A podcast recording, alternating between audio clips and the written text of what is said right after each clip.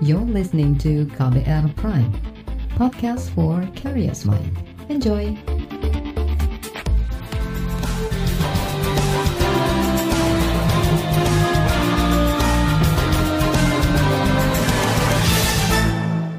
Halo saudara, senang sekali kami bisa menyapa Anda kembali dalam program KBR Sore, edisi Senin 16 November 2020. Saya Sindu Darmawan kembali menemani Anda selama kurang lebih 30 menit ke depan.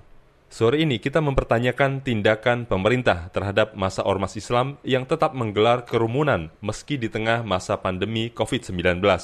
Pemerintah dianggap berlaku pilih kasih dalam menegakkan disiplin protokol kesehatan. Menteri Koordinator Bidang Politik Hukum dan Keamanan Menko Polhukam Mahfud MD kesal dengan kasus kerumunan massa yang terus terjadi di tengah pandemi COVID-19. Secara spesifik, Mahfud menyinggung pengerahan massa dari kelompok FPI pimpinan Rizik Sihab di kawasan Petamburan, Jakarta Pusat. Pelanggaran secara nyata protokol kesehatan dengan berkumpulnya ribuan orang dalam sepekan terakhir ini bisa membuyarkan segala upaya yang telah kita lakukan 8 bulan terakhir. Orang yang sengaja melakukan kerumunan massa tanpa mengindahkan protokol kesehatan berpotensi menjadi pembunuh potensial terhadap kelompok rentan. Pemerintah mendengar dan mendapatkan banyak keluhan serta masukan dari berbagai kalangan seperti dari para tokoh agama dan tokoh masyarakat dari purnawirawan TNI dan Polri dari dokter dari relawan serta kelompok-kelompok masyarakat sipil yang bergelut dengan perjuangan kemanusiaan dalam mengatasi COVID-19 atas praktik pelanggaran protokol kesehatan termasuk penggunaan dan pengerusakan fasilitas umum, mereka mengeluh seakan perjuangan mereka itu dianggap tidak dihargai sama sekali. Bahkan mereka mengatakan negara tidak boleh kalah dan tidak boleh melakukan pembiaran terhadap aksi-aksi pelanggar aturan. Pada akhir pekan lalu, pemimpin FPI Rizik Sihab mengundang 10.000 orang untuk menghadiri peringatan Maulid Nabi dan pernikahan anaknya. Satgas COVID-19 menemukan tidak adanya penerapan protokol kesehatan di acara itu. Kerumunan massa di saat wabah COVID-19 berpotensi besar memunculkan klaster penularan virus corona. Menko Polhukam Mahfud MD juga mengklaim pemerintah akan menindak keras pelanggar protokol kesehatan Mahfud juga meminta aparat tak ragu-ragu menindak pelanggar protokol kesehatan. Oleh karena itu, oleh karena itu, pemerintah memperingatkan kepada para kepala daerah, pejabat publik, aparat, dan masyarakat di seluruh Indonesia bahwa pemerintah akan menindak tegas dan melakukan penegakan hukum bila masih melakukan pengumpulan massa dalam jumlah besar khusus kepada tokoh agama dan tokoh masyarakat diharapkan untuk memberikan contoh dan teladan kepada semua warga agar mematuhi protokol kesehatan. Kepada aparat keamanan. Kepada aparat keamanan. Kepada aparat keamanan. Pemerintah meminta untuk tidak ragu dan bertindak tegas dalam memastikan protokol kesehatan dapat dipatuhi dengan baik. Pemerintah juga akan memberikan sanksi kepada aparat keamanan yang tidak mampu bertindak tegas dalam memastikan terlaksananya protokol kesehatan COVID-19. Itu tadi Menko Polhukam Mahfud MD. Di kesempatan yang berbeda, Ketua Satuan Tugas Percepatan Penanganan COVID-19 Doni Monardo mengingatkan masyarakat tak mengikuti kegiatan apa pun yang berpotensi menyebabkan kerumunan. Doni menyebut potensi kerumunan dan pelanggaran protokol kesehatan bakal meningkatkan risiko penularan virus corona. Berikut pernyataan Doni Monardo. Sekali lagi, mengajak seluruh komponen masyarakat untuk betul-betul patuh kepada protokol kesehatan khususnya yang berhubungan dengan tidak terjadinya kerumunan. Sejumlah aktivitas yang menciptakan kerumunan hampir pasti bisa menimbulkan penularan, menulari dan tertular satu sama lainnya. Dan mereka yang menyelenggarakan kegiatan tersebut nantinya bukan hanya mendapatkan sanksi di dunia oleh pemerintah, tetapi juga kelak di kemudian hari akan mendapatkan permintaan pertanggungjawaban dari Allah SWT. Karena kegiatan-kegiatan yang menimbulkan kerumunan itu terjadi penularan. Kepada semua pihak, terutama tokoh-tokoh yang masih memiliki keinginan untuk menyelenggarakan acara-acara yang menciptakan kerumunan. Tolong ini ditunda dulu sampai dengan kondisi pandemi ini betul-betul bisa kita kendalikan. Itu tadi Ketua Satgas Percepatan Penanganan COVID-19, Doni Monardo. Saudara Doni sebelumnya menuai kecaman publik karena justru menyumbang ribuan masker dan alat penyanitasi tangan ke kerumunan pendukung Rizik Sihab. Tindakan ini dianggap sebagai bentuk ketidaktegasan pemerintah terhadap sikap masyarakat yang tidak disiplin menegakkan protokol kesehatan seperti memakai masker, menjaga jarak, dan mencuci tangan menggunakan sabun. Di bagian berikut kami hadirkan laporan khas KBR mengenai pandangan pakar terkait dampak sosial politik dari kepulangan Rizik Sihab. Laporannya akan hadir usai jeda. Tetaplah di KBR sore. You're listening to KBR Pride, podcast for curious mind. Enjoy.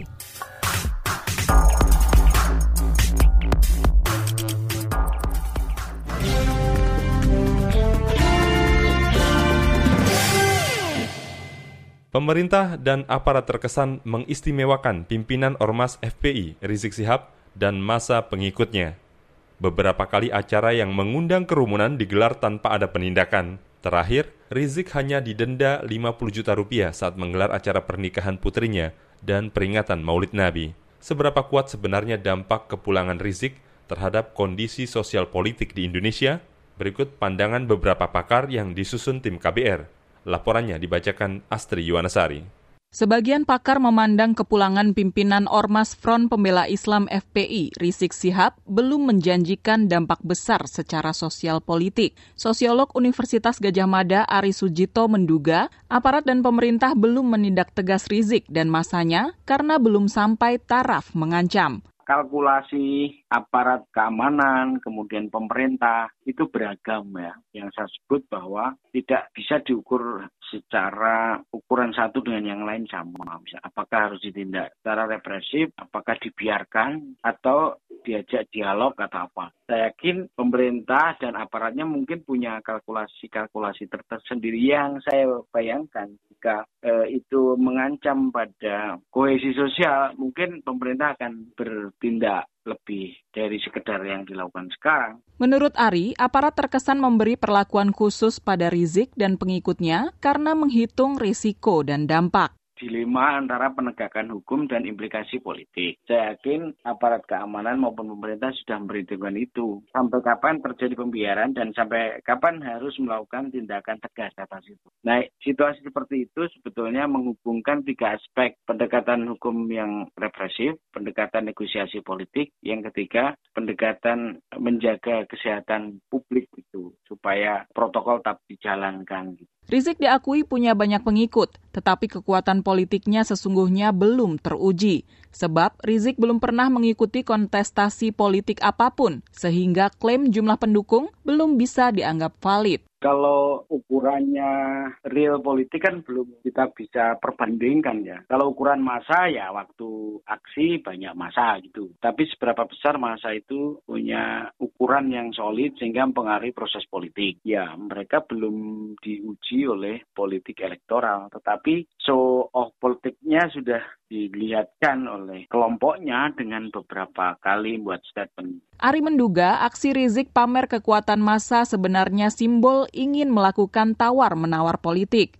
Sebagai sebuah kelompok yang mereka mencoba berekspresi dan dugaan saya dia pengen bergaining dalam politik. Tapi kan sekali lagi yang namanya Jakarta itu kan arena gede ya. Orang pasti akan panggung kan di Jakarta dalam arena politik siapa pun. Pengamat intelijen dari Universitas Indonesia Ridwan Habib juga menilai kembalinya Rizik tidak bakal berpengaruh banyak. Ia juga menganggap narasi adanya campur tangan intelijen di balik kepulangan Rizik sebagai sesuatu yang berlebihan sebenarnya sesuatu yang sangat biasa sih menurut saya. Karena toh secara kasus hukum HRS juga nggak ada. Kasus yang lama itu kan sudah SP3 tahun 2018. Jadi memang benar seperti yang disampaikan Pak Mahfud maupun Pak Muldoko pergi-pergi sendiri, ya pulang-pulang sendiri gitu. Orang kadang-kadang terlalu berpikir konspiratif sehingga seakan-akan ini, wow ini ada operasi intelijen lah, ada rekayasa intelijen ya. Saya kira terlalu jauh untuk sampai ke situ ya.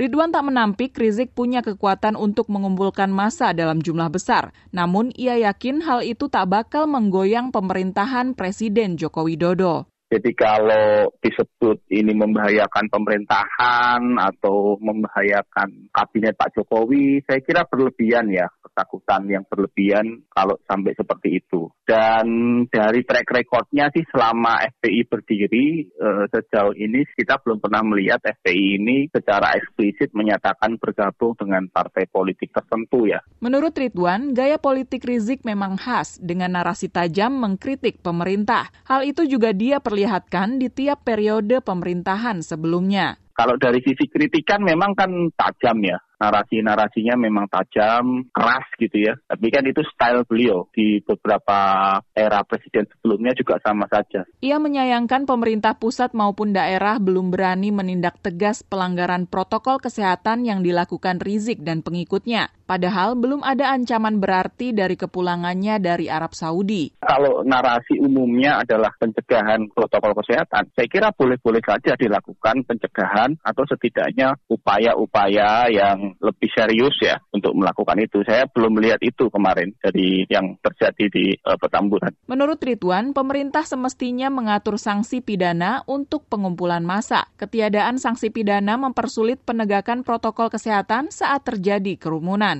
Apalagi jadwal reuni 212 sudah tinggal menghitung hari. Ini yang saya kira akan menjadi pasal karet, sesuatu yang sangat ambigu, karena demonstrasi toh kemarin juga tetap ada penolakan Omnibus Law, orang bisa berkelit, nah demonstrasi aja bisa, kenapa kita nggak bisa kumpul kan gitu. Jadi memang sangat dilematis, saya kira harus ada keputusan yang tegas tuh dari pemerintah pusat maupun daerah sebelum nanti mepet-mepet waktunya baru diputusin. Demikian laporan tim KBR, saya Astri Yuwanasari. Di bagian berikutnya, kita simak tanggapan dari aparat keamanan baik polisi dan TNI menyikapi kerumunan massa yang terjadi beberapa waktu terakhir imbas dari kehadiran pimpinan dan agenda Ormas Islam di Jakarta. Kami hadirkan kisahnya sesaat lagi, tetaplah di KBR Sore. You're listening to KBR Pride, podcast for curious mind. Enjoy!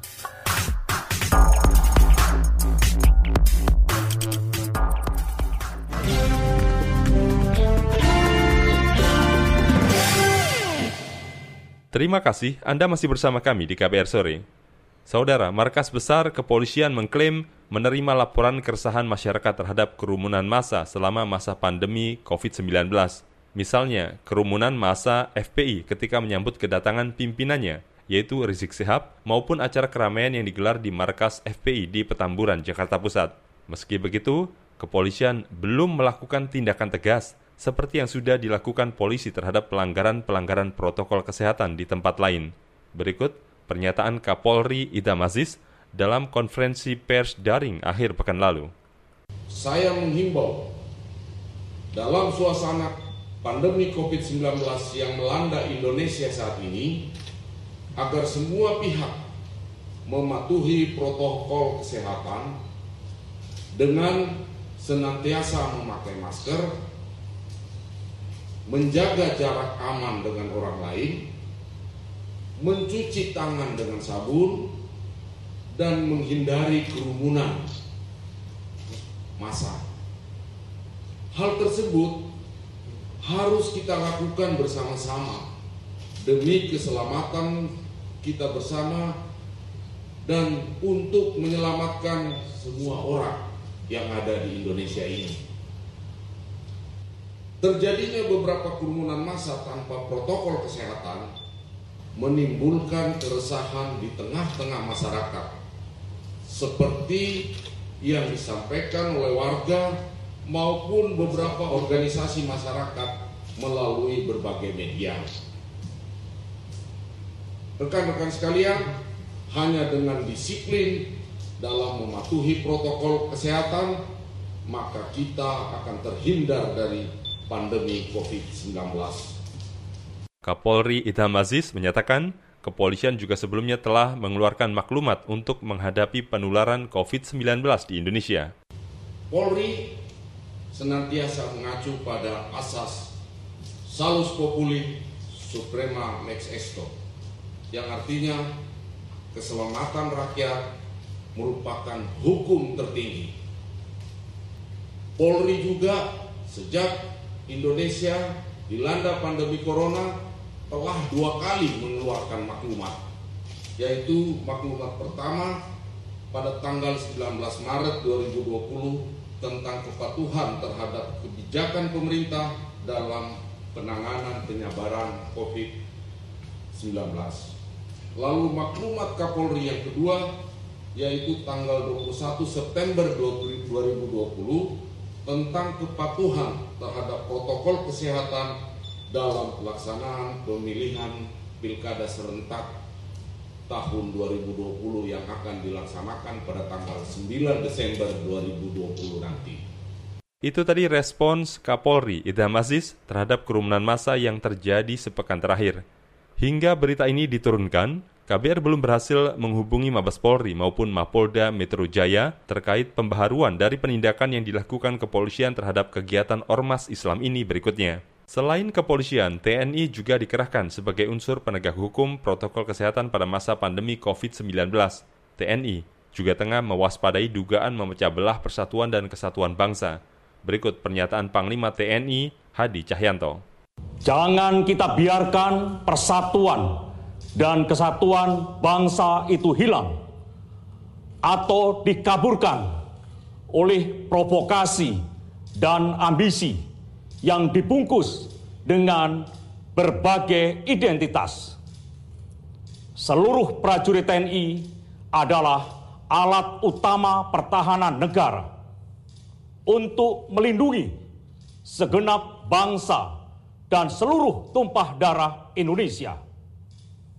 Tidak satupun, tidak satupun musuh yang dibiarkan, apalagi melakukan upaya-upaya berupa ancaman dan gangguan terhadap cita-cita luhur bangsa dan negara Indonesia. Ingat, siapa saja yang mengganggu persatuan dan kesatuan bangsa akan berhadapan dengan TNI. Hidup TNI!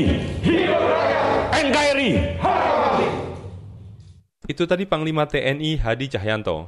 Salah satu contoh pergerakan orang secara besar-besaran terjadi pada akhir Oktober lalu, ketika puluhan ribu orang merayakan libur panjang dengan bepergian keluar kota. Dua pekan kemudian, yaitu pada akhir pekan ini, terjadi lonjakan tambahan kasus positif COVID-19. Jumlah kasus harian memecahkan rekor mencapai lebih dari 5.000 kasus per hari. Dikhawatirkan, kerumunan masa FPI pada akhir pekan ini turut menyumbang ledakan jumlah kasus positif COVID-19 pada dua pekan ke depan. Saudara, bagaimana tanggapan pengamat terhadap sikap pemerintah yang terkesan takut atau melakukan pembiaran terhadap pelanggaran protokol kesehatan yang dilakukan kelompok FPI? Kami hadirkan perbincangannya sesaat lagi. Tetaplah di KBR Sore. You're listening to KBR Pride, podcast for curious mind. Enjoy!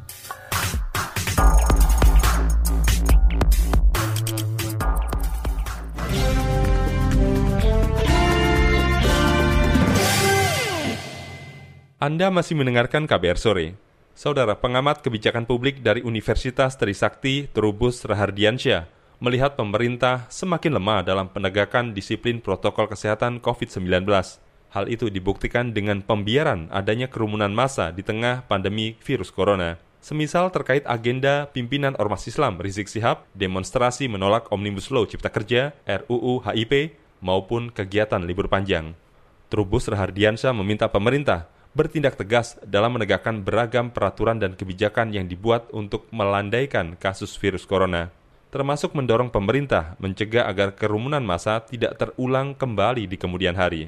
Berikut petikan wawancara jurnalis KBR Mutia Kusumawardani dengan pengamat kebijakan publik dari Universitas Trisakti, Trubus Rahardiansyah. Pak Trubus, di tengah pandemi COVID-19 ini kan pemerintah menggencarkan kampanye agar setiap orang memperhatikan protokol kesehatan begitu. Kemudian hmm. pemerintah juga menerapkan PSBB, tidak mengizinkan kerumunan massa semisal pelaksanaan Liga Sepak Bola. Namun akhir-akhir ini kita melihat ada kerumunan massa Pak yang dipicu oleh beragam agenda Habib Rizik setibanya di tanah air begitu, mulai dari perkumpulan penyambutan kedatangan Habib Rizik di bandara, lalu dilanjutkan dengan acara pernikahan anaknya, serta perayaan Maulid Nabi.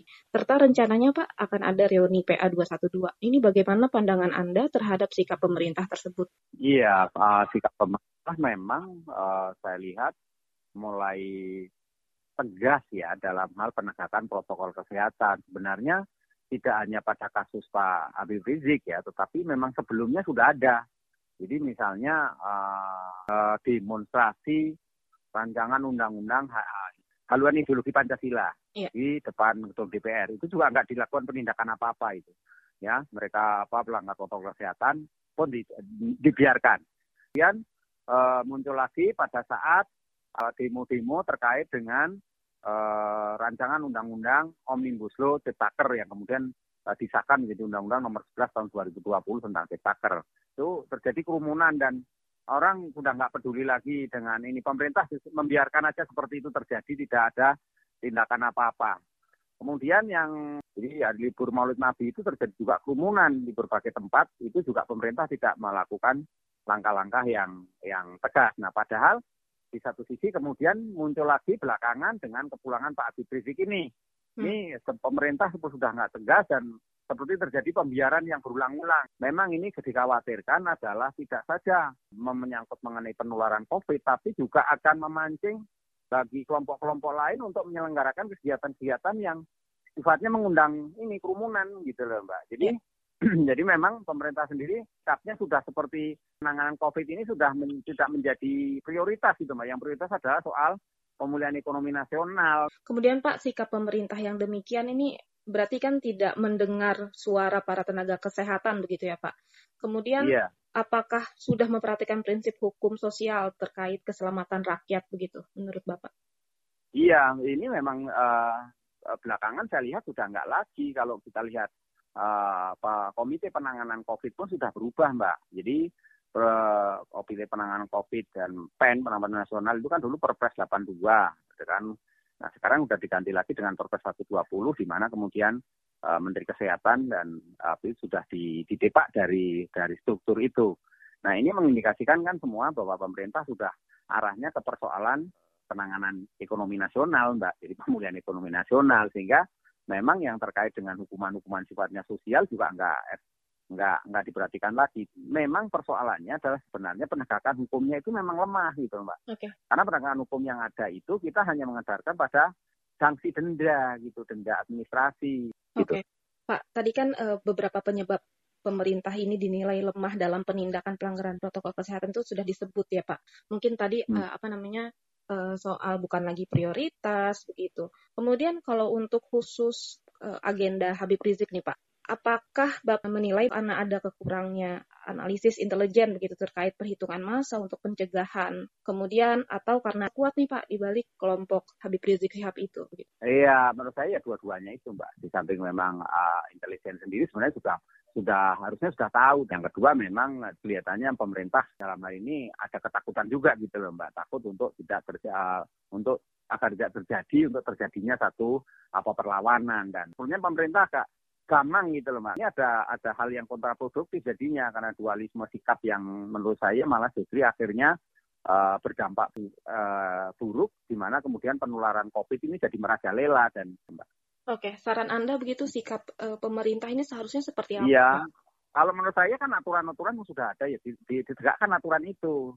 Kalau aturan sudah ditegakkan, maka otomatis uh, tidak melukai hati masyarakat kan gitu. Karena uh, selama ini masyarakat sudah berkorban, sudah berdarah-darah, sudah berjuang, bahkan ada yang kelaparan juga gitu kan. Jadi dan uh, menurut saya pemerintah sekarang harus menegakkan lagi aturan. Buat apa aturan itu dibuat kalau kemudian tidak ditegakkan kan gitu. Jadi menurut saya ini penegakan aturan, kemudian melakukan koordinasi yang baik, kemudian melakukan pendekatan kepada masyarakat secara baik, kepada kelompok-kelompok tertentu agar tidak terjadi uh, membuat kegiatan-kegiatan yang ini yang mengundang kerumunan karena kerumunan ini menjadi sumber masalah uh, menularnya COVID, Mbak. Sumber masalah menularnya COVID di, di Indonesia itu. Gitu. Itu tadi pengamat kebijakan publik Trubus Rahardiansyah. Saudara, perbincangan tadi menutup jumpa kita di KBR Sore edisi awal pekan Senin 16 November 2020.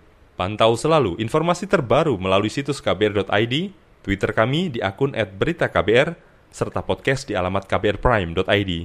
Saya Sindu Darmawan bersama kerabat kerja yang bertugas undur diri. Salam.